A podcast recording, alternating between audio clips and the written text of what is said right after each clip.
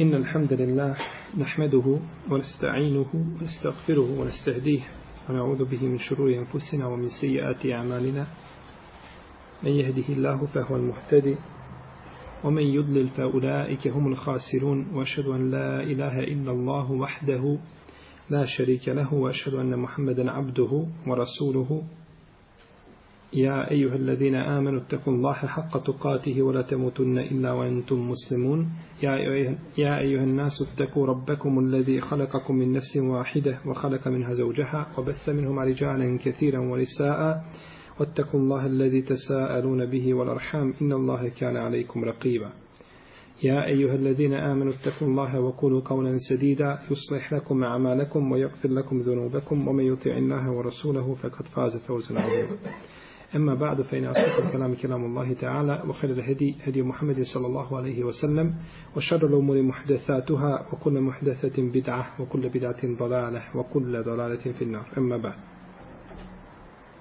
السلام على ريد redu أوسمي حديث od hadisa Umdetul الأحكام u kome stoji عن جابر بن عبد الله رضي الله عنه أن النبي صلى الله عليه وسلم قال أعطيت خمسا لم يعطهن أحد من الأنبياء قبلي نصرت بالرعب مسيرة الشهر وجعلت لي الأرض مسجدا وطهورا فأيما رجل من أمتي أدركته الصلاة فليصلي وأحلت لي الغنائم ولم تحل لأحد قبلي وأعطيت الشفاعة وكان النبي يبعث إلى قومه خاصة وبعثت إلى الناس عامه Kaže Džabir ibn Abdillah radijallahu anhu, rekao je poslanik sallallahu alaihi wasallame, dato mi je pet stvari, nije dato ni jednom od poslanika prije mene.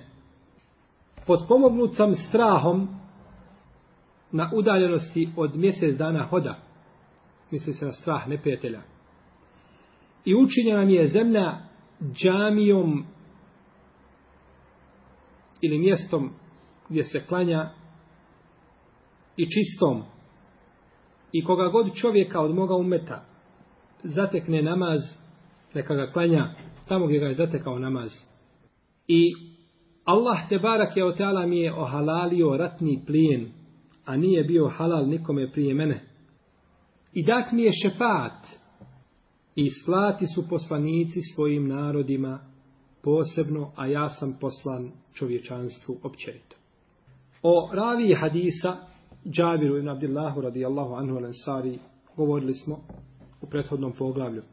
Što se tiče propisa hadisa, u njemu se navodi skupina stvari kojima je uzvišen Allah te barak je od tada odlikovao poslanika sallallahu alaihi sallam nad osla, ostalim poslanicima, a također i ljudima. Autor je spomenuo ovaj hadis u poglavlju Tejemuma, jednostavno što je ovdje spomenut, učinjena mi je zemlja, džujlet lijel ardu mes džiden otahura, učinjena mi je zemlja, mjesto gdje mogu da klanjam i da se sa njom mogu, da može se taharet ili da se čistiti može sa njom. Pa je spomenut iz tog razloga hadis koji ima veze sa brojnim drugim stvarima, više možda nego samim tejemumom, ali je spomenuo autor ovaj hadis u ome pogledu zbog ove riječi otahura i čistećom. U'titu hamsen. Dato mi je pet stvari, kaže poslanik sallallahu alejhi ve selleme. Uđuilet li el ardu mesđiden u tahura. Učinjena mi je zemlja da mogu klanjati na njoj i čistom. Je to jedna ili dvije odlike? Dvije. Ali su ovdje spomenute kao jedna. U protivnom je bilo šest. A doćemo do toga šest. Pa je ovdje znači, učinjeno to jednom odlikom. Imamo u hadisu koga bi ima muslim u svome sahihu od Ebu Hureyre, da je rekao poslanik s.a.v. Fudiltu ala l'anbijai bisit. Odlikovan sam nad ostalim poslanicima sa šest stvari. U'titu džavami al kelim. Dat mi je džavami al kelim je zgrovit govor. Misli se na Kur'an i na sunnet. U'hutime bijen nebijun. Bijen nebijun i sa mnom je završeno poslanstvo. Potom je spomenuo dalje hadis. Pa je znači ovdje kazao da to mi je šest stvari. Odlikovan sam na drugim poslanicima. Dozvoljeno je odlikovanje ili preferiranje jednog poslanika na drugim shodno njegovim odlikama i deređi koji ima kod Allaha po konsensusu islamskih učenjaka i na to ukazuje Kur'an i Sunnet. Tilke rusulu faddalna ba'dahum ala ba'd. To su poslanici koji smo odlikovali jedne na drugima. Raznim odlikama. Imamo hadis kod Buhari i kod muslima u kome je poslanik sallallahu sallam kaže La tu faddilu bejne enbija illa. Nemojte davati prednost jednom poslaniku nad drugim ili nemojte odlikovati jednog na drugim. Kako sad da to pomirimo? Ajet kaže da ima odlike, a hadis kaže nemojte odlikovati nijednog od njih onda moramo gledati, braćo, zbog čega je objavljen taj hadis, odnosno zbog čega je kazan hadis. I moramo, znači, svaki od oti argumenta staviti na njegovo mjesto. Jer nemoguće je da bude u riječima Kur'ana i u suneta suprotnosti, oponiranja, kontradiktornosti, to je ponaročito nemoguće. Kontradiktornost biva gdje? Ko će mi kazati? U razumima. U razumu mučtehida, u razumu alima, u razumu čovjeka. Tu biva kontradiktornost. Tu se ne može uskladiti nešto. Tu ima nekakvih e, nesuglasica. Ali nikako u tekstovima. Zato Alim, ulema kada je govorila, neka dođe do argumenta, kaže Allah najbolje zna. I stane. Ne mogu. Ja ovo ne mogu shvatiti, ne mogu razumijeti. Ibn Hazm kaže, sve mi je jasno u šarijetu i nigdje nemam nejasnoća osim u jednoj stvari po pitanju hađa. Došlo su različiti rivajeti, pa nije mogao pomiriti. I tu je zastao. No, međutim, dođe druga ulema pa kaže stvar je jednostavna tu. I svaku stvar stavi na svoje mjesto i njemu je Allah otvorio i omogućio da to razumije, a ovo me nije. Zar nije došao čovjek kod Davuda, ali salam, dvojica koja se sporla, o Davude, o Sulejmane, iz Jahkomani fil Haris. Iz nefešet fihi vanemul qavm, o kunna le hukmihim šahidi. Opasle ovce, letino drugog čovjeka, pa došlo da se spore, pa kaže, ošanu, fetahemnaha Sulejmane. I dali smo tu Sulejmanu jaču razboritost i razumijevanje nego Davud. Sin, poslanik je tu bolje stvar sagledao nego što je bio Davud. Pa ako je takva stvar sa poslanicima, šta onda su ljudi? Sigurno znači da i ljudi mogu, da jedan može razumjeti nešto što ne može drugi i slično, i slično tome. Pa je ajet u kome kaže poslanik sallallahu alejhi ve koji svakako je rodostojan koji je Buhari i Muslima nemojte odlikovati poslanike jedne na drugima ima povod zašto je kazano Došao je čovjek, jevrej, i rekao pred jednim od ashaba, وَلَّذِي istafa Musa عَلَى الْبَشَرُ Tako mi onoga koji je odlikovao Musa nad svim ljudima. Ali Bešar nad svim ljudima. I ovaj odmah ashab za šamar. I udari ga. Kaže, tako pričaš, a poslanik među nama, tako si rekao, evo ti sada. Pa su došli kod poslanika, sa osvijem da se žale. Pa je rekao poslanik šta? Kaže sallallahu sallam, nemojte odlikovati jedne poslanike na drugima. To je znači kada dođe do rasprave, e moj je poslanik bolji, bolji nego tvoj, onda je tada umanjivanje vrijednosti šta? Drugog poslanika. Mi kad kažemo Allahov poslanik, Muhammed sallallahu sallam je bolji od Musa, mi smo umanjili vrijednost Musa.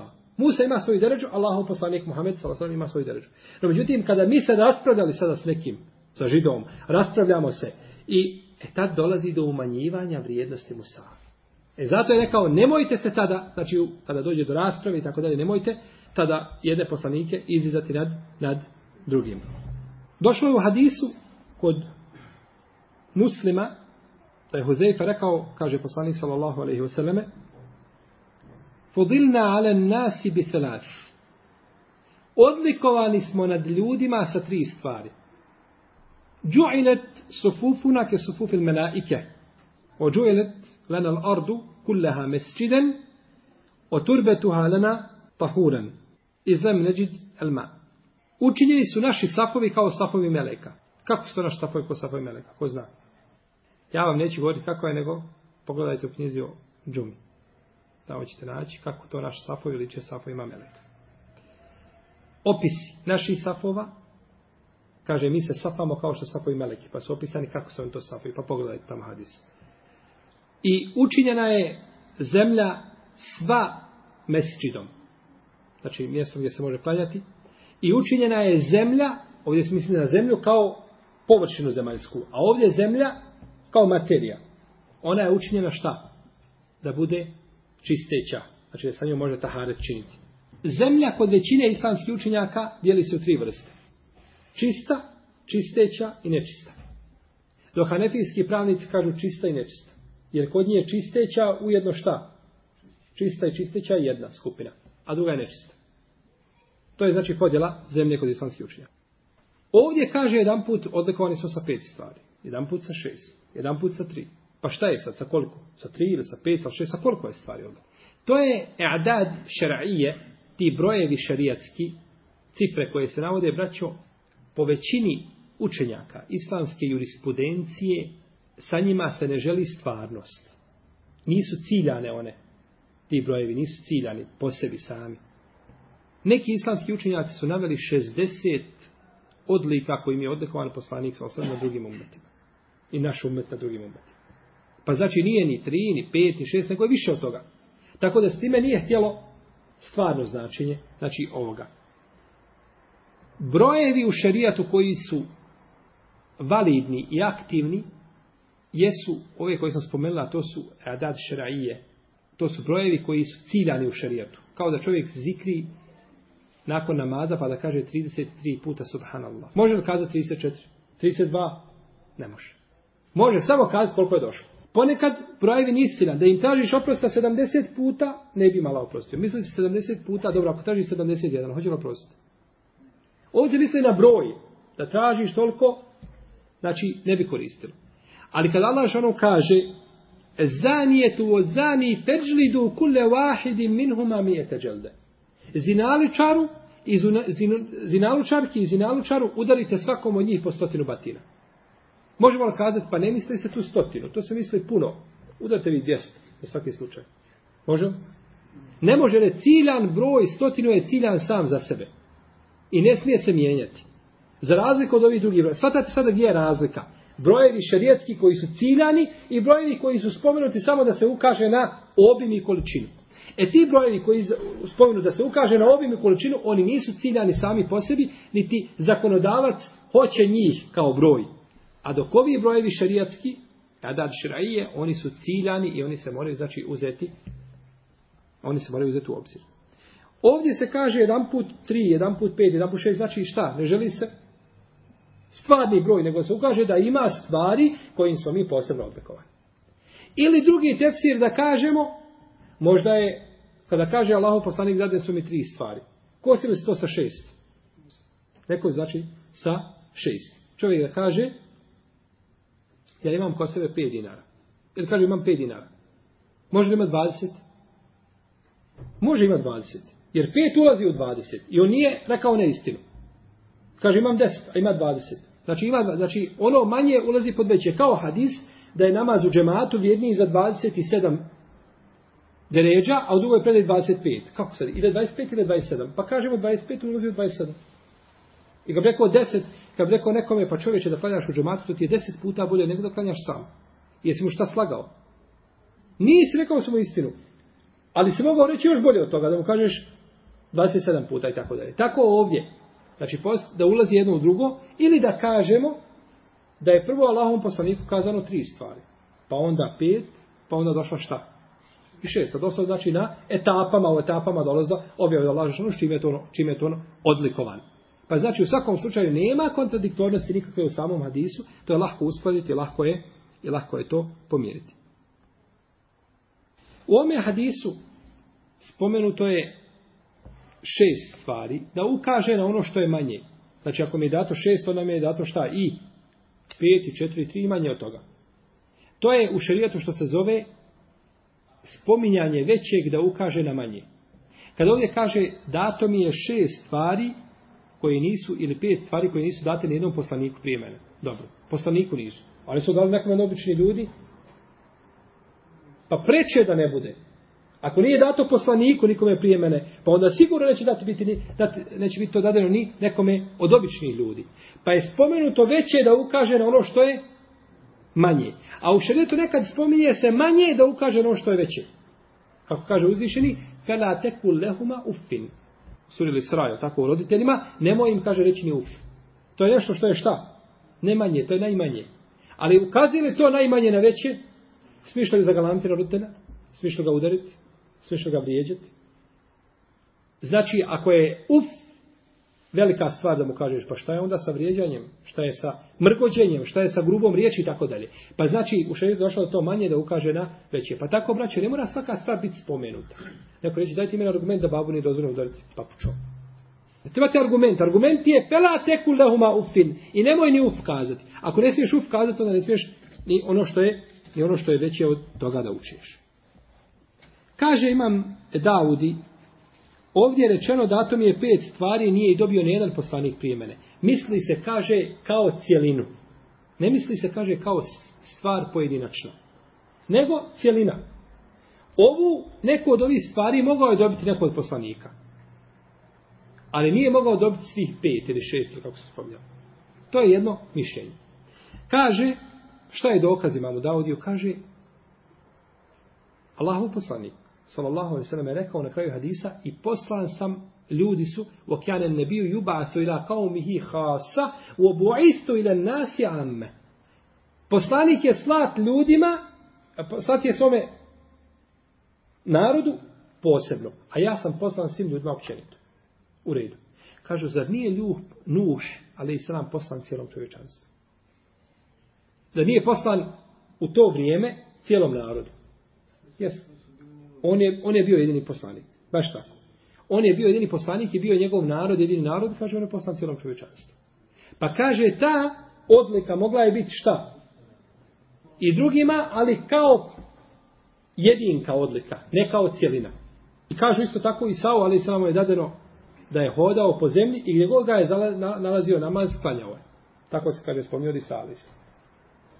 Mi kažemo, ovo mišljenje nije jako ovo mišljenje jako. Ove stvari koje je spomenuo, zadane su poslaniku sa samo. Nije imao niko pravo na njih, ni kao jedinku. Prvo, kako ćemo odgovoriti na riječ Nuh a.s. kad kažu da je Nuh a.s. poslan cijelom? Znači, njegov narod je živio, nije bilo drugog naroda. Pa je Nuh a.s. poslan čovječanstvu, to što je poslan cijelom čovječanstvu. Je to ciljano da bude cijelom čovječanstvu ili se to tako poklopilo, desilo se? Desilo se ako poklopilo se uz to slanje, poklopilo se da on bude poslan cijelom čovječanstvu. Jer kaže uzvišeni Allah te barake o teala, inna arselna nuhan ila kaumihi. Mi smo nuha poslali njegovom narodu. Kome je poslan nuh? Narodu svome. A za poslanika Muhameda sallallahu alaihi kaže, oma arselnake ila kafeten ni nas. I nismo te poslali nego cijelom čovječanstvu.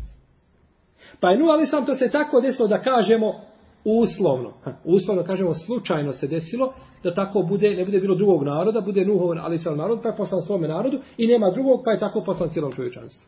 Iako se ništa ne dešava ili bez Allahove odredbe. Ali nije to ciljano, dok je poslanstvo Muhammeda sallallahu alaihi sallam ciljano da bude cijelom čovječanstvu. U tome je velika razlika, ko nebo i zemlja. Jer da je u vremenu, ali sam bio drugi narod, bil ga mora slijediti. Nikako. A da ima drugi naroda i stotine hiljada naroda nema poslanika sa osam i do sudnjeg dana ne mogu sveti nego njegov šarijet. Pa znači, ova opaska koju je postavio imame Daudi rahimahullah nije jaka iz ovoga razloga. Kako će odgovor za Isa alaih salam da je hodao po zemlji kanjao gdje je stizao? Allahov poslanik sa osam kaže Uođuenet li jel ardu mesčiden i učinjena mi je zemlja mjesto gdje mogu klanjati. Pa je Isa alaih salam kaže se hodao je po zemlji. Isa je hodao po zemlji i gdje bi ga zatekao namaz kanjao bi tamo gdje bi bio. Ne, on kaže, kane je sihu fil ard, kružio je zemaljskom kuglom gdje god da bi došao, klanjao. Isa alaih sallam. Odgovorit ćemo tako što kažemo da ta predaja nema ostave nikakve. Nije ispravno. Nema nigdje u zbirkama, neka neko donese hadis, jer mi to ne možemo zato da Isa alaih sallam osim putem poslanika, sallallahu alaih sallam, da Isa alaih sallam tako činio. Bojru, nema. Znači nema argumenta. Tako da ostaju ove stvari, da ostaju odlike našem poslaniku, sallallahu alaihi wa alihi wa sallam. Imam Qadi Iyad kaže u svome dijelu Rikmal, poslanici prije poslanika s.a.v. su mogli samo klanjati u mjestima posebnim za namaz. Crkve koje su bile i tako dalje, mihrabi koji su se zvali. Mihrab koji se spominje u Kur'anu je vraćao mihrab, to je mjesto gdje se klanja. A nije ovaj mihrab. Spominje se ovo, jer ovo je u islamu bidat. Mihrab u islamu je bidat. I imam sujutija, ima posebnu risalu koju je napisao koji je nepobjedno dokazao da je mihrab u islamu bidat, da nikakve osnove nema. Za razliku od, od mimbera. Mimber ima osnovno, međutim, mihrab nikakve osnove nema u širijatu. I to je to su potvrdili i hanetijski učenjaci, našao sam u hanetijskim knjigama, fika i tako dalje, da mihrab nema osnove. Da ne bi neko rekao, pa mihrab je spomenut u Kur'anu, kako nema osnove? Taj mihrab ne cilja se sa njim, taj mihrab ne se cilja, cilja se mjesto gdje je mogao se obavljati namaz. I kažu neki, bilo im je dozvoljeno da pored crkvi klanjaju na mjestima za koja su bili sigurni da su ta mjesta čista. Pazite, o jako bitno. Sigurni su da su mjesta čista, možeš klanjati na, na njima. Za razliku od ovoga umeta koji može klanjati na, na zemlji, osim mjesta gdje je šarijat šta? Zabranio da se, da se klanja na njima, ili mjesta gdje si siguran da su šta? Nečista. Velika je razlika, braćo, između toga da kažemo da moraš biti siguran da je čisto pa da klanjaš i da kažemo moraš biti siguran da je nečisto pa da ne klanjaš. To je ko nebo i zemlja. Jer ti kad na jedno mjesto i kažeš ja bi ovdje klanjao, a kažemo ti moraš biti siguran da je čisto, kažemo ti šta ti je argument da je čisto? Jesi vidio da je neko sad došao i to oprao sve dobro? Jesi vidio da je to neko prekopao sve iz početka pa da bude čisto? Jesi vidio, nisi vidio, ne možeš klanjati.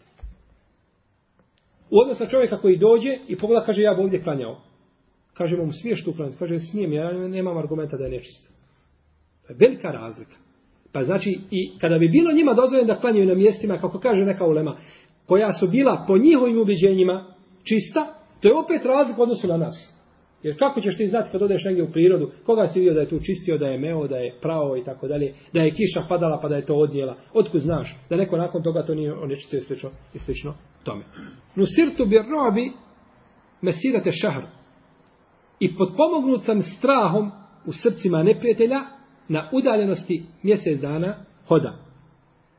Iz ovoga možemo zaključiti dvije stvari. Prvo, da hadis nije negirao da taj strah može biti, ako je manje od mjesec dana, nekome drugom.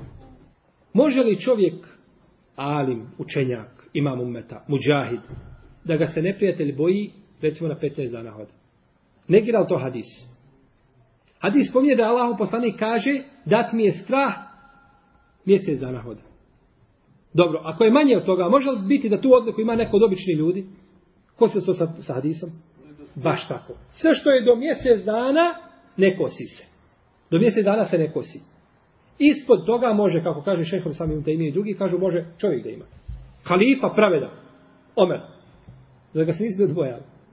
Nisu možda preko mjesec dana ne možda nego sigurno nisu mogli to odda kako ja vidim samo poslaniku sa ostalim a za ga se nisu bojali koji su bili obližnje dan 2 3 5 i 10 tako sigurno pa je znači ono što je manje mogao je dobiti neko od ljudi i to se ne kosi sa tom odlikom jer Allahu poslanik je mogao reći dat mi je jedi dat mi je jedino da me, da me se ne preteli boje e da je tako rekao pa to kazale nikoga se više nije ne preteli bojao ne ali ovdje je posebna daljina i ovdje se kaže je se dana hoda misli se na razdaljinu je se dana hoda misli se znači na razdaljinu Neki učenjaci kažu, to je spomenut mjesec dana hoda, zato što je tada najdalji neprijatelj od poslanika, salao sveme, od Medine bio mjesec dana hoda.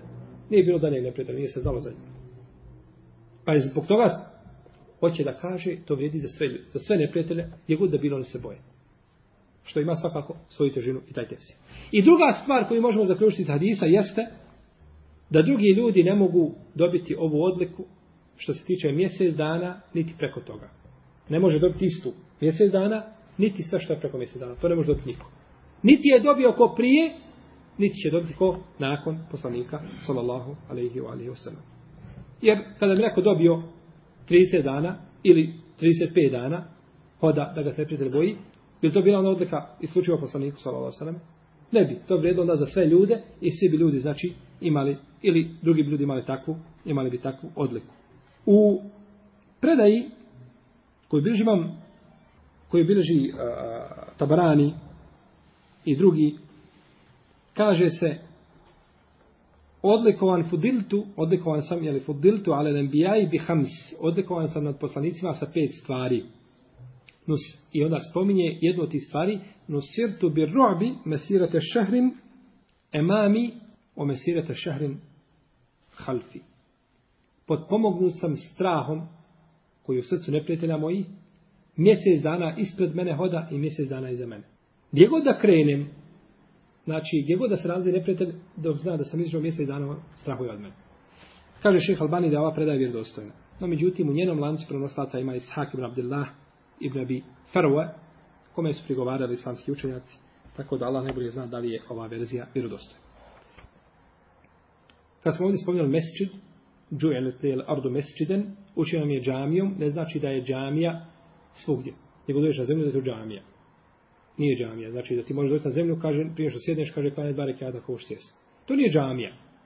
Nego misli se mesčiden, jer je mesčid došlo od riječi seđe da je sđudu, mesđid je mjesto gdje se čini seđda. A mesđed su dijelovi tijela kojim se čini seđda. Zato kada Allah žele kaže وَأَنَّ الْمَسَاجِدَ لِلَّهِ فَلَا تَدْعُوا مَا اللَّهِ أَحَدًا Koji suri ajet? Harune, koji suri ajet? وَأَنَّ الْمَسَاجِدَ لِلَّهِ فَلَا تَدْعُوا مَا اللَّهِ أَحَدًا Suri al-đin. Suri al-đin. Mesčidi pripadaju Allahu. Nemojte sa Allahom E, drugi, nemojte u njima Allahu se drugom moliti. Ali mesfrid, braće, ovdje u enel mesađid. Mesađid je množina od riječi mesfrid. Ali je množina od riječi mesđed. Dijelovi tijela koji se čini sežda. Pa šta se je sad tijelo? Da su džamije Allahu i nemojte u džamijama se drugom moliti. Ili da ovi dijelovi tijela koji mi činimo sežda pripadaju Allahu, pa nemojte drugima padati na seždu mimo Allaha. Svatate? Pa može biti ovo ili ovo. Iako je jače mišljenje kod profesira da se to odnosi na džamije, nego na dijelo i tijelo koje se sežda, ali znači postoji jel, ta mogućnost. Pa ovdje kada je spomenuto, znači, mesčid misli se na šta? Na mjesto gdje se čini sežda. Misli se na mjesto gdje se čini sežda. A ne misli se šarijetsko značenje mesčida. Jer je ovo šarijetsko značenje mesčida. Yes. Ovim hadisom se dokazuje da je također dozvoljeno da se čovjek abdesti svim što je na površini zemlje. Jer kaže, učinjena mi je šta zemlja? Čisto. Pa kažu, možete abdestiti, znači to je jedan od argumenta. Mislim da smo ovo spominjali u prethodnim hadisma kad smo govorili znači, o tome gdje je dozvoljeno i čime je dozvoljeno da se čovjek temu, do temu uzma. Ovdje se postavlja pitanje da li temu diže hades, kada čovjek, na primjer, džunup ili bez abdesta, on je u hadesu. To je vrsta nečistoće kao da je čovjek uslovno rečeno nečist, iako se muslim, musliman ne može onečistiti. Da li uzimanje tejemuma poništava tu nečistoću i diže je? Da li je uklanja ili nečistoća ostaje? Znači, to je olakšica koja vam se dozvoljava baš tako, jer u čemu je razlika? Šta znači to da li uklanja ili ne uklanja? Kakva je korist da o tome pričamo, da li uklanja ili ne uklanja? Ja imam ja, čovjek džunup i tejemum uze može klanjati. Kakva je sad korist da mi vićemo uklanja, nečistoću ili ne uklanja, Šta nas to zanima? Bravo, Hamza. Lefta halejk. Barakallahu fik. Kad dođe voda kasnije, kad bi došla voda, onda kad bi kazali da diže, čovjek se ne bi morao šta? Ne bi se morao kupati. Ne treba se kupati. Jer gotovo je, šta je?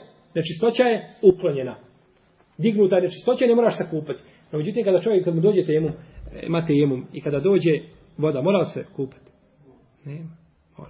Tako da ispravno znači da je to samo olakšica, ono samo da te progura dok ne nađeš šta. Iako to, to može potrajati duže vremena, spomenut ćemo kasnije jer hadis koji ukazuje na to, ali u svakom slučaju to ne diže znači i ne oslobađa tu nečistoću koju se čovjek nalazi, kažemo uslovnu nečistoću. Fe ejuma rađulin edreketu ili min umeti edreketu salatu fe li usalli, koga god čovjeka od moga umeta zatekne namaz, neka klanja Ovo se znači odnosi da klanja na svakom mjestu, osim mjesta koja je šerijat izuzeo, precizirao i da se ne može ima klanjati. Kao, na primjer, staje od deva.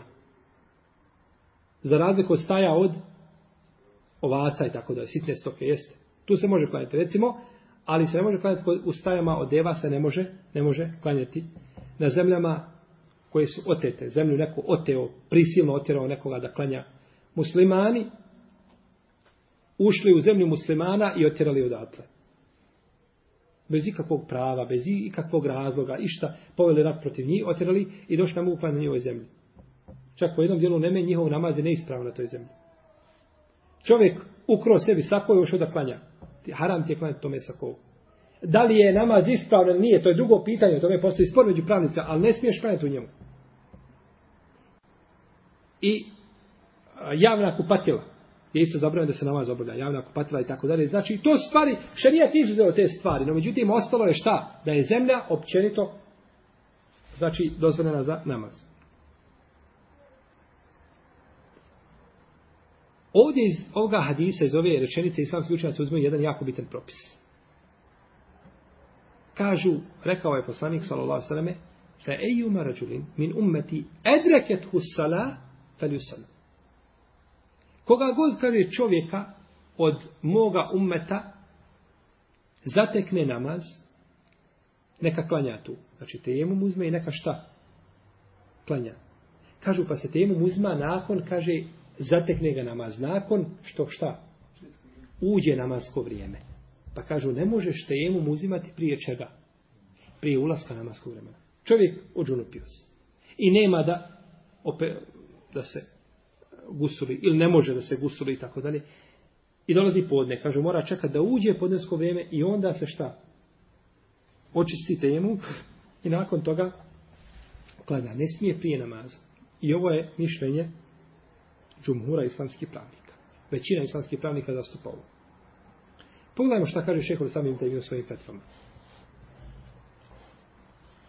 Kaže u 21. tomu nakon što je spomenuo razilaženje među islamskim učenjacima po ome pitanju, kaže, a mi je uzimamo kao dokaz, on je sad govori suprotno većini islamskih učenjaka, kaže, a mi je uzimamo kao dokaz to što je tejemum propisan i legitiman Kur'anom i sunnetom.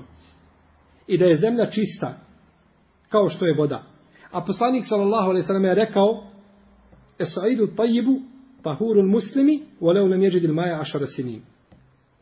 Kaže, a zemlja je čisteća za čovjeka muslimana, tamo da ne nađe vode deset godina. Tamo deset godina da ne nađeš vode, uvijek je čisteća za čovjeka. Kaže, pa kada nađe vode, neka onda, neka se ili okupa i neka abdesti se. Kaže, pa je učinio zemlju čistećom, kao što je učinio vodu čistećom, općenito i ni ničim ograničio. Zemlja ti je čisteća deset godina dok ne nađeš vodu. Pa znači kako je zemlja čisteća, tako je šta i voda čisteća. Isti kontekst. U jednom kontekstu znači spomenuto. Pa je kaže, što nam ukazuje, znači da su identični ovdje zemlja i voda. I ukazuje nam da čovjek koji kad se očisti sa vodom, bilo kada je čist kao čovjek koji kad se očisti sa zemljom. I kaže to šerijet nije ograničio sa vremenom. To šerijet nije ograničio sa vremenom. I nije rekao da izlazak namaskog vremena kvari taj tejemum. Znači onda kad bi čovjek abdestio u podne, kada bi uzeo tejemum u podne, kad bi došla ikindija, morao bi šta? Ponovo, ne abdest, nego tejemum uzme u podne, nakon uzaska vremena. I dođe ikindijsko vrijeme, po mišljenju većine uleme, morao bi šta? Ponovo. Jer ovo je sad novo namasko vrijeme. Novo namasko vrijeme i ne vrijedi znači nego novi tejemum. Kaže, nije došao u šarijetu dokaz da taj izlazak ili ranije uzimanje tejemuma prije vakta ili izlazka mimo vakta da kvari tejemum kaže kao što je došao argument da tejemum kvari šta? Ha? Dolazak vode. za nije rekao deset godina mu je čistoća dok ne nađe vode. A kad nađe vode, neka onda koristi. Pa je došlo, znači da je nalazak vode šta da kvari taj tejemum, ali nije došlo u predajama, znači da kvari, a ovo što se razumije iz hadisa, nije znači 100% jasno da ukazuje da ti ne možeš prije toga uzeti tejemum. Tako da znači da su ove riječi šeho samim temije imaju svoju težinu bez sumnje kakve. Ođujenet li el ardu men uohinet li el ganaim. I dozvoljen mi je ganaim. Ganaim, to je množina, to, množina od riječi ganime, a to je ratni plijen. I to je ono što se uzme u toku bitke. Bitka ide, ide dok bitka teče, to je to se zove ganimet. To je ganimet ili plijen. A ono što se braćo pokupi nakon borbe, to je nije ratni plijen. To se ne zove ratni plijen, ne zove se ganimet. To je feje. Fej, to je drugo. Ganimet je ono što se plijen, ono što se uzme za vrijeme borbe, a nakon borbe kad ti ideš kupiš ostalo tenkova, para, zlata, kad kupiš zgrćeš, ko što nama danas kupe, to je feje. Islamski učenjaci kažu da je ganimet ili plijen pogledu priješnjih naroda da može biti a, jedan, jedna od dvije skupine. Prvo imamo skupinu poslanika kojima nije bilo dozvoljeno da se bore protiv kafira. Nije nikako džihad bio propisan. Pa kad nije bio džihad propisan, šta, nema ni plena. Jer to je onda krađa. To da ideš i da uzmaš nečije da kradiš. I druga skupina jesu poslanici kojima je bio dozvoljen džihad i plijen da ga uzmu, ali što smo morali raditi? Znači, stvare ga na hrpu jednu i dođe vatra sa nebesa i spali ga. Ako bi neko nešto uzeo iz plijena, sakrio, nije htjela vatra doći. Morao je doći taj koji je ukrao i da to vrati i dođe vatra, to pojede i nestane. Pa je došlo kod Buhari, kod muslima, znači iz predaje došla, koji ukazuju na ovo, na ovu činjenicu, dok je nama dozvoljen, dok je nama dozvoljen, znači plijen. Plijen se dijeli na pet dijelova. Četiri petine te podjele idu borcima. Četiri petine idu borcima. Po konsensu islamski učenja, kako kaže Imam Kurtubi u svome tefsiru, kaže u osmom tomu na sedmoj stranici da je tu konsensus da se te četiri petine dijele ljudima. A jedna petina ide na drugu stranu. I oko te petine postoji šest mišljenja. Različiti uzvišen je Allah kaže وَعْلَمُ أَنَّمَا غَنِمْتُمْ مِنْ شَيْءٍ فَأَنَّ لِلَّهِ خُمُسَهُ وَلِلْرَسُولِ وَلِذِي الْقُرْبَ وَلِيَتَامَ وَلْمَسَاكِينِ وَبْلِ السَّبِيلِ Pa u suri Anfal spomenuto je znači podjela ove petine i kažemo tu postoji različiti mišljenja imam šafija uzeti ovaj ajet da se dijeli na ove skupine dok kaže imam malik ta petina jedna se ostavlja halifi da on raspolaže sa njom kako vidi i u šta vidi da je najpriča da se, da se okrene. Wa utitu šefa i dat mi je šefaat. I dat mi je šefaat. Islamski učenjaci, kada govore o šefatu, kažu da šefat ima pet vrsta, ima pet vrsta šefata. Prva vrsta šefata jeste da počne obračun. I to je onaj el makamul mahmud kome mi dovimo kada učimo dovu poslije ezana. Obasio Allahume meqamen mahmuden. Da počne ljudima, da se ljudi odmore više i da počne obračun. Jer samo čekanje, braće, obračuna je teška stvar. Čovjek dođe pred operacijenu salu, djete mu ušlo da se operiše, na primjer. I on čeka operacija 5 sati. To je za njega oko 5 godina. On čeka, čeka, šta će biti, kako će biti. Hoće, još naravno tako je nešto teško. Hoće li preživjeti ili neće preživjeti. Pa izlazi jedan po jedan doktor, svi smrtnuti, niko ti ništa ne govori, oborle glave. Što mislite, braći, kako je na sudnjem danu, kada ljudi tako, svi se kupaju zove, niko nikoga ništa ne pita, ne smiješ upitati, nikoga ni te ko zanima. Moliš Boga da te zaustavi, da te ne ti zaname da kaže, sjećaš se da si mi nešto uzeo onoga dana. Moliš Boga da nikoga ne znaš. E sad dođe neko i kaže da to, e to je taj mer, al makamul mahmud koji će biti poslanik sa osam isključivo na sudnjem danu znači da počne da počne obračun drugo je Druga vrsta šefata je da ti ljudi koji su, da uđe u dženec skupina ljudi bez polaganja računa. To je druga vrsta šefata. Treća vrsta šefata da ljudi koji su ušli u dženec da im se dižu deređe. Ušli u dženec i sada dižu deređe. Četvrta vrsta šefata je da jedna skupina ljudi treba ući u vatru, no međutim šefatom Allahov poslanika neće ući u vatru. Trebali su ući u vatru pa onda u dženet. A neće nikako ući u vatru i će u dženet odmah. I peta skupina je ljudi, šefata, to je skupine ljudi koji su ušli u džahennem, da izviju džahennema, da je Allah šanu uvede u džahennem. To je znači pet vrsta šefata. Mi ponekad kad pričamo braće o šefatu, spominjemo ga usput, no međutim šefat je velika stvar. Vi možete danas misliti da čovjek sjedi dva, dvije godine ovdje bez posla u ovoj zemlji. Ne može raditi, ne, niko neće da ga primi. I sad nađe čovjeka koji radi u nekoj firmi koga cijeni ga šef taj. I on kaže, de molim te, vidi može li što kako, može li što tu radi, da ja uđem da radim. Koliko on nade polaže ovoga čovjeka što treba da, da mu bude vaseta ili, ili veza između njega i toga šefa. Koliko polaže nade u njega?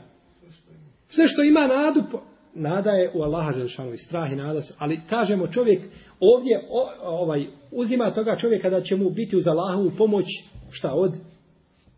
Od koristi da će mu pomoći pa polaže, kažemo, uslovno, da neko ne mislio da je nada nekome drugom mimo. Čovjek se nada Allahu i Đušanu milosti da laže ono sve. No, međutim, u onim domenima ljudskim kojim je dozvoljeno da položiš tu nadu, čovjeku polažeš je. I očekuješ da će ti ono za Allahom nešto pomoći. Pa šta mislite, braće, to je dunjalučka stvar, daš dobiti posao, nećeš dobiti posao, Allah ti može dati pet puta bolje ako hoće i svoje dobrote. Ali šta mislite da sudnjem danu kada čovjeku ovisi vječni uspjeh ili vječna propast? I ta ćemo riječ, pogled poslanika, sa ostane, pa mi znamo u ratu da su bili ljudi, ljudi u, u logoru. I sad prolazi srbin školski kolega. I on viče, hej Jarane, piže ruku. Ne bilo ovaj pogleda u njega, samo da kaže, gdje si? Jer da mu je ta riječ, gdje si? Možda će me negdje sačuvati da ne dobijem batine ili da, da se izvučem, da pobjegnem. Taj mi čovjek puno znači ovdje se izvučem iz ovoga azaba. Pa šta mislite, braći, o ahiretski azab? Gdje je riječ poslanika, sa osvijem pogled Allahovog poslanika u čovjeka da je sigurno, znači, puno znači, pa je šefat velika stvar. I zato jeste, znači, došlo u hadisima da ko čini tako i tako da će zaslužiti šefat. Jer znači ljudi šta je šefat na sudnjem danu.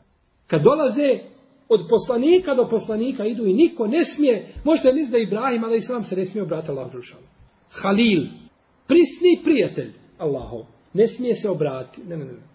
Nite drugo. Musa alaih sram, ne smije se obratiti. Isa alaih sram, koji nije spomenuo ni jednog grijeha koga je učinio, ne smije se obratiti. Pa se dolazi poslaniku sa alaih pa će njegov šefa tada sigurno ovaj, jedini biti primljen i kaže mu, kada padne na seždu, spodarša kada će mu o Muhammede digni glavu, traži šta hoćeš, da ćemo ti. Čini šefat za koga hoćeš, uspješo će se tvoj šefat.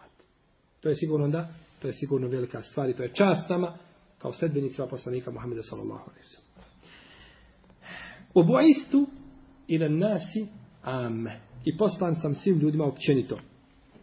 Ovdje kada se kaže ljudima, ovdje se misli na ljude i na džine. Poslan sam znači i ljudima i džinima, jer je poslanik sallallahu alaihi wa po konsensu islamskih učenjaka poslan i ljudima i džinima. Ali spomenuti su ljudi da bi ukazano bilo i na džine. Pa je spomenuto ovdje šta? Bolje je da bi ukazalo na slabije ili slabije da bi ukazalo na bolje? Bolje na slabije, jer su ljudi bolji od džina. Pa bez sumnje ikakve. Pa je ukazano na ono što je bolje, pa ako je poslan ljudima koji su na takvoj deređi, onda je poslan i svim onima koji su šta? Ispod njih, a koji su zaduženi, zaduženi znači sa šarijetom i koji su zaduženi sa objavom. Kod imama muslima se navodi u sahihu, kazuje poslan sam svakom crvenom i crnom svakom crvenom i crnom po pitanju ovoga imamo tri tefsira. Prvi je tefsir da se sa crvenima misli na strance, ne Arape, a crnima na Arape i svima onima koji su poput Arapa kao što su danci, ali koji su, imaju taj crni ten i tako dalje. Drugo mišljenje je da su da se misli sa crnima da su to stanovnici Sudana i općenito oni koji su jeli, tak, tak, takvog tijena, a da su crveni svi drugi Arapi i svi drugi mimo njih. I treće mišljenje je da su crveni ljudi, a da su crni džini. Znači to je jedno od mišljenja u tefsiru jeli, ovoga ajeta. Ovdje se kaže poslanje svakom ila kao mihi ha saten vo isto ila nasi amme. Poslanje svome narodu. Narod se odmisli i ljudi, i ljudi i žene, iako riječ kaum, sjećate se, smo govorili da se odnosi samo na muškarce, ne na žene. Ali ovdje se misli, znači ome slučaju se izrečito misli na muškarce i na žene, ali poslanik poslan sa osanem i jednima i drugima. U ome hadisu je dokaz da je čovjeku dozvoljeno da spominje blagodat kojim ga je obdario uzvišenje Allah te barak je oteala i to je od uh, to je od riječi poslanika sallallahu alejhi ve sellem jer od Allaha što kaže wa amma bi ni'mati rabbike fahaddis a što se tiče blagodati gospodara tvoga ti o njima pričaj pričaj o blagodatima gospodara svoga I pričanje o blagodatima može biti sa jezikom. I to je ova stvar pojma Benjamete Rabike Fehadis, priča o blagodatima gospodara svoga. I može biti, to je šukr li sa jezikom zahvalom. Zahvala Allah ženom jezikom jeste da pričaš o blagodatima. Ne da se čovjek hvališe, nego da priča o blagodatima ako ima blagodat koja je, znači koja se treba spomenuti, koja će utjecati na ljude. Ili zahvala srcem, oma bikum min ni'metin fe min Allahu svaku blagodat koju imate, ona je od Allaha. Da znaš to u srcu da je ta blagodat od koga? Od Allaha te barake od tala. I imate zahvalu sa udovima, kako kaže uzvišeni, i'melu ale Davude šukra. O porodica Davuda, radite i budite zahvalni. Da budete zahvalni svojim radom. Kaže se nakon što je objavljen ovaj ajet porodici Davudovoj, da nije nikada bio, salamu da nije nikada bio ni jedan čas u danu ili noći da je prolazio da neko Davudove porodice nije stojao i zahvaljivo Allah. I'malu ale Davude šukra. I radite i budite zahvalni Allahova porodicu i onda je uvijek neko znači zahvaljivo Allahu da barake o teana. I u ovom je hadisu isto tako dokaz da je osnova kada se tiče zemlja da je ona čista. Da je zemlja znači čista. To je osnova. I ome hadisu je dokaz da je dozvoljeno čovjeku da govori i da priča znanje prije nego što ga neko upita. Naravno ako ljudi trebaju to znanje. Ovdje nigdje niko nije poslanika sa osam pitao ome. On je sam pričao, znači i govorio o Allahovim džošanu blagodatima. Znači da priča. O ima bi nijemeti rabbi kefe hadis pričao o blagodatima Allah.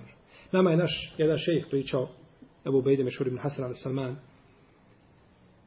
da je kada je pisao knjigu o spajanju namaza kada se radi o velikim vremenskim nepogodama. Došao sam, kaže, do pitanja podjela musala. Kako da podijelimo musale gdje ljudi klanjaju? Musale u kojima se klanja pet vakata ili tri vakta, klanja se džuma, ne klanja se džuma. Kako kaže da to podijelim? Ne mogu. Pa sam, kaže, zvao neke učenjake kojima vjerujem tadašnje vrijeme. Niko mi, kaže, nije dao odgovor koji im je zadovoljio ono što bi ja svako je dao nešto općenito, ali ja hoću, kaže, nešto da, da mi bude to podrobno pojašnjeno, to ipak ide knjiga. Kaže, pa nisam mogao nigde naći. Kaže, pa sam negao jedno večer da spava. Pa sam, kaže, usnio u snu da u toj i toj knjizi Malikijskog fika, u tom i tom tomu, na toj i toj stranici ima to pitanje pojašnjeno. Od do. Kaže, pa sam se probudio. I odmah sam se, kaže, popio u biblioteku, kaže, uzeo tu knjigu, otvorio taj taj tom, na toj toj stranici, kaže kako sam usnio, kaže sve i harf tamo, ono što sam usnio. Pojašeno kako sam usnio. I to nam je spominjao, Allah najbolje desetak puta nam je to spomenuo, blagodat Allah žeš ono prema njemu. I spominjao, i spominjao je još a, jedan od šehova, kaže, jedno večer sam, kaže, lego spavati, i kaže, sanjam, kaže, da me čovjek pita hadis iz Buharije. A ja, kaže, nikako odapeti, ne mogu se sjeti hadisa, kaže, da kako ide, Kaže, pa sam skočio, kaže, onako u snu, u mukama sam, ne mogu odgovoriti. Kaže, pa sam ustao, kaže, otišao, otvorio Buhari i Sahih, kaže, naučio hadis na pamet i vratio se ponov spavati. Rahimahullahu ta'ala, rahmeten vasija. Ovim hadisom isto dokazuju neki islamski učenjaci da je poslanik sa ostaleme jedan od dokaza kojim dokazuju da je najbolji poslanik i da je odlikovan i drugim stvarima, spominju i druge stvari mimo ovi stvari, I kažu, ako je poslanik Muhammed s.a.v. najbolji poslanik, onda je njegov umet šta? Najbolji umet. I tako došlo u hadisima, jer od ostavnju kod Tirmizije da je, da stanovnika dženeta ima 120 safova, da je 80 safova od ovoga umeta. Da je 80 safova od ovoga umeta. I sigurno da je najbolji poslanik, poslanik s.a.v. i njegov umet da je najbolji umet.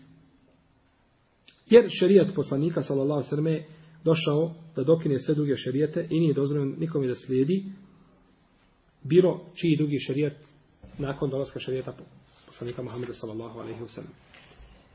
Čak kako je došlo u hadisu, koga dobri svata šeha Albani, koga bilježi imam Ahmed, drugi, kaže Lau edrekeni Musa lemma wasijahu illa ittiba'i Musa, ali sam da je došao u moje vrijeme da me je dočekao, ne bi imao izbora nego da me slijedi. Ništa drugo. Pa ako Musa, ali sam nema izbora, onda nema i sigurno izbora ni drugi ljudi. Dat mi je, kaže Džavami Al-Kelim, je zgrovit govor. To se misli na Kur'an i na sunnet. Je zgrovit govor. Jer sa malo stvari se kaže puno, puno značenja. Šesto stranica, braće, u Kur'anu imamo sistem života do sudnjeg dana. Zakon Evropske unije je napisan na 80.000 stranica. O njemu zakon koji je 80.000 stranica sto napisao. Ima najmanje 80.000 rupa u tome zakonu. Ako nema i više. Dok u Kur'anu i u šarijetu nema rupa. Nema stvari koji ti možeš proći, kaže ovo šarijet nije objasnio, pa će s mali vrata ući. Nema toga. Sve je jasno, pojašnjeno, ima da uzmeš i da radiš. Za razlog njihovi 80.000 zakona i na kraju šta ste napravili ništa. Fesad i nered. Ohalalili i dozvolili lopovlu. Kad ti lopov uđe u kuću po njemu zakonu, smiješ ti njega uhvatiti smotati ga, pa pozvati policiju. Podignut će prijavu protiv tebe, kazati ruku mi je uvrno i boljala me ruka. I se dao s tim bolu ruci što mi je ruku uvrno. Optužnica protiv tebe. A u šarijatu ko pogine braneći svoj metak je šta? Šehid. Pa eto, bujno, pogledajte, jedne pogledajte druge. I to se danas vidi otvoreno, da nikad više lopovluka nije bilo, čak i u Bosni, do ovih dana, nakon što je uveden taj evropski zakon, koji samo Fesad pravi, u kome je lopovluk eh, legitimna stvar. On radi, i on će biti kažen ako ga uhvate na način. E, uhvatiš lopova i ako mu ne kažeš kakva prava ima po njihovim kriterijima, e, nemaš ga pravo nakon toga više ovaj kažnjavati sudim. Tebo smo kazati kakva prava ima. Ti imaš pravo da budeš, da dobiješ dobre batine, da ti ruku osjećamo, to imaš pravo. E, to je tvoje pravo koje imaš. Nikakve ti drugi prava nemaš. Uhvati čovjeka krade, pokrao, opljačkao, ubio i tako dalje. I kad ga hapsiš, moraš mu kazati imaš pravo na advokata, nemaš pravo na toga, imaš pravo na toga. Moraš mu kazati ti si potpuno legitiman čovjek, to što si uradio je hajdi, to je dobro i bit će hajdi. Dževam jel kelim. Šesto stranica, dostor života do sudnjega dana. Imamo, koliko imamo sahih hadisa poslanika? Neki kažu 70.000, neki spominju cifre veće od toga, neki manje. 70.000, to može stati sve, može stati sve na 2.000 stranice. I da kažemo 10.000 stranica sistem života do sudnjeg dana. Ovi samo jednoj uniji koji su napravili 80.000 stranica i ništa nisu napravili. To je samo prizma nekakva, on će raditi još stotinama godina i kad dođu njihovi sinovi proklinjaće svoje pretke, kakav se to zakon postavi, šta je to. Ko što su oni proklinjali, što su bijeli učenjake u srednjem vijeku, kad su govorili da se okreće u kosmosu sve plovi, da se zemlja okreće, da je zemlja okrugla i sve što tome, kad su bijeli i na lovaču i pali, kao što je ovi danas proklinjali, tako će ovi proklinjali svoje, vidi šta su, kakve zakone donosili i tako dalje. I dato je poslaniku, sallallahu alaihi vseleme, da su mu ključevi dunjaločki riznica. I to je jedna od odlika, odlika. I dato mu je zadnji ajci suri al-Bekare. I dade su mu brojne druge odlike koje nisu date, koje nisu date ljudima prije njega, sallallahu alaihi vseleme.